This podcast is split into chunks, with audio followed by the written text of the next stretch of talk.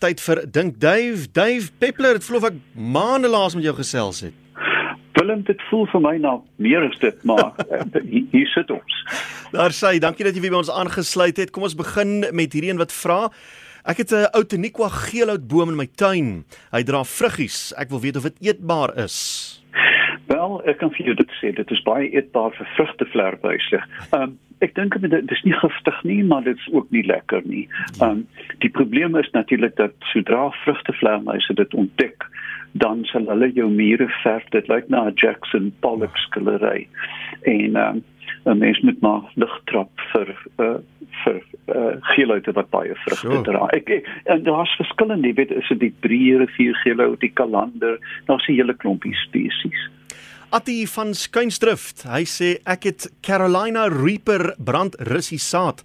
Ek sukkel om dit te laat opkom. Hoe kan ek eh, dit makliker maak?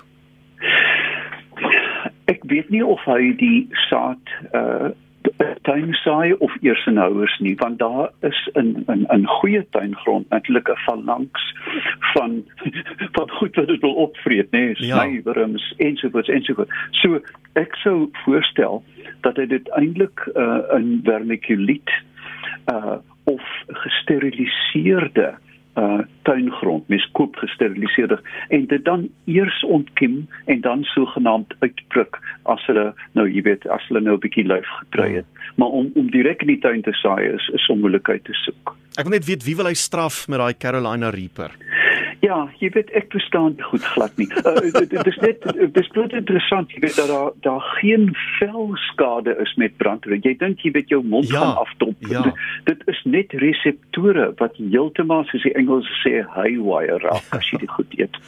Hier's 'n vraag van Joey af. Ek wil weet is 'n kameel en 'n kameelperd enigsins familie as mens nou kyk hoe hulle naam deel? Nee, nie naaste by nie. Ek het ek het um, ek het ondervinding van beide uh, veral die bakteriaanse kameel wat netlik in Asië voorkom. En hier is net 'n waarskuwing as iemand vir jou um, tuisgemaakte Russiese vodka aanbied met klein blokkies kameelvet, moet dit eenvoudig nie eet.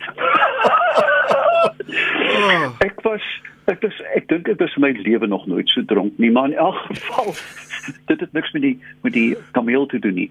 Hulle is ehm, 'n um, totaal ander familie, Camelidae. Jy weet dat hulle tribe Camelini en dan Camelus en daar's twee die gewone dromedaris wat ons in Afrika vind en dan die bakteriaanse kameel uit uh, uit Asië.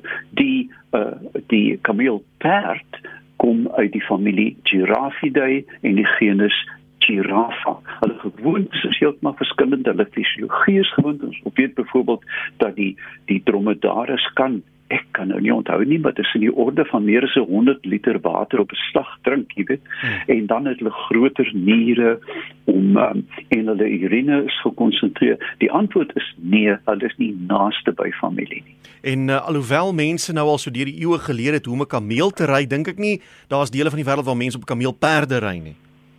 Dit ek dink dit sal as jy val, as jou stieg as jou stiegrem breek, gaan jy jou desmoers val. Uh, hier is 'n vraag van uh, JB in Pretoria. Dis nou lekker koud. Daar's nou allerlei goed wat rondkruip in ons solder, meestal rotte. Hoe raak ek van hulle ontslaa? Weet jy, ek het nou pas op my Facebookblad en ehm um, navraag gekry of in, in watter proporsie moet jy koekmeel en sement meng dat die rotte kan uitlewig word. Nou ek dink dit is een van die wenke wat ek nie wil aangee nie. Jy weet, ehm um, sou dit werk gaan jy die ontlasting hoor. Maar ehm um, ek het um, ek ek verwys direk na my Facebookblad. Ek het letterlik 'n halfuur gelede interessante resepte daar, uh, meer ekovriendelike resepte gepos ek gerus daar. En mense kan gerus maar net op Facebook gaan en tik in Dave Peppler en daar sal jy dit kry. Hier's in die boonste een is is rotgif. Goed so. Herman in Meyerton, hy wil weet hoekom huil honde as uh, hy 'n jakkals hoor, jakkals geluide. Wat is dit wat in hulle sneller? Honde ehm um, is afkomstig van wolwe, maar daar is ook honde tribus die in dol in Australië wat meer van na die jakkalse neig. Maar um, honde is sosiale diere. En in in die oertyd, in die primitiewe honde, het hulle natuurlik in groepe gejag. en die huil is 'n kommunikasiemiddel en ek dink nie eintlik jy weet 'n uh, fluffy jou skoothond gaan maklik onderskei tussen 'n ander fluffy wat huil en 'n jakkals nie met ander woorde dit is 'n baie primitiewe diep diep gesetelde hmm. genetiese reaksie op 'n soortgelyke roofdier. Hier's 'n vraag van Len af en hy wil weet wat is die verskil tussen ryp en swartryp en is swartryp regtig swart? Nee. Swartryp kry sy naam van die kleur van die plante nadat die ryp voorgekom het. Swartryp is so koud dat dit um letterlik die water uit die selle onttrek, die selle bars waar gewone ryp yskristalle bo op die blaar of die stengel vorm. Mm -hmm. Daar is 'n uh, nog 'n vorm bekend staan as hoorfrost gespel H O E H H A O R. En dit is wanneer uh, dit hiperkoud word, dat dit eintlik oor swart ryp spring en dat die lug die uh, water dan by die lug byna soos 'n kat wat geskrik het so stert die plante groei. Ek het dit eenmaal in my lewe in Cambridge ehm um, uh, beleef dit was die dag minus 14 hmm. en die bome was 'n uh, 'n uh, vier spel van van hierdie sagte hare daarop. Met ander woorde gewone ryp plante gaan nie dood nie, swart ryp plante gaan dood en dan die so ek dink nie daar's 'n Afrikaanse naam nie want ons het nie so hoorfrost. Hmm. Miskien kan ek daar iets oor dit is so mooi. Is soos hierdie mense wat nou die Everest en so aan gaan klim en en en en, en frostbite kry op hulle op hulle vingers en tone, is dit soos frostbite vir plante swartryp? Dit is black frost op jou lyf. Ah, goed. Japie is in Johannesburg en hy sê Ek sien baie mense se besproeiing is aan in die aande en in die vroegoggende en dit in hierdie koue weer. Kan jy asseblief verduidelik waarom dit so dom is? Ek dink dit is 'n eenvoudige slordigheid dat mense het outomatiese stelle wat optimaal inge uh, gestel is op somer uh, toestande. Hmm. En hulle is net slordig en lui. Die hulle moet die goed letterlik nou afsit. Dit is regtig nie nodig om nou te besproei nie. Tensy dit verskriklik droog word natuurlik, jy weet dan kan 'n mens ehm um, uh so soet van ad hominem uh, water toedien. Maar ek dink dit is net eenvoudig slordigheid en dis 'n mors van kosbare water. Ja, en jou jou plante kan doodvries, is dit nie? Hulle kan doodvries, maar hulle kan ook vrotbootjie kry. Ja. Jy weet hulle kan hulle kan versuip. Maar ja, van as jy genoeg hitte om dit uh, te laat verdamp die oortollige uh, volgens so aan nie. Maar presies, jy weet in, in, in ek sien in die Kaap selfs in Stellenbosch wat nou versadig is. Ek dink dit, dit is stapel gek, dit lyk hmm. na 'n voorstad van Las Vegas. Hierso is 'n uh, uh, SMS van Evelyn af en sy sê ek het 'n probleem met reuse tierslakke tot 10 cm lank. Ons bly amper meer as 30 jaar in Betty's Bay, maar hierdie slakke het so 5 of 6 jaar gelede vir die eerste keer hulle verskyning gemaak. En sover ek weet, is dit 'n meer tropiese slak wat Natal behoort voor te kom.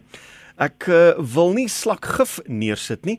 So wat ek gedoen het, ek uh, tel hierdie slakke op, ek sit hulle in 'n lugdigte houer en dan sit ek die slakgif daarin.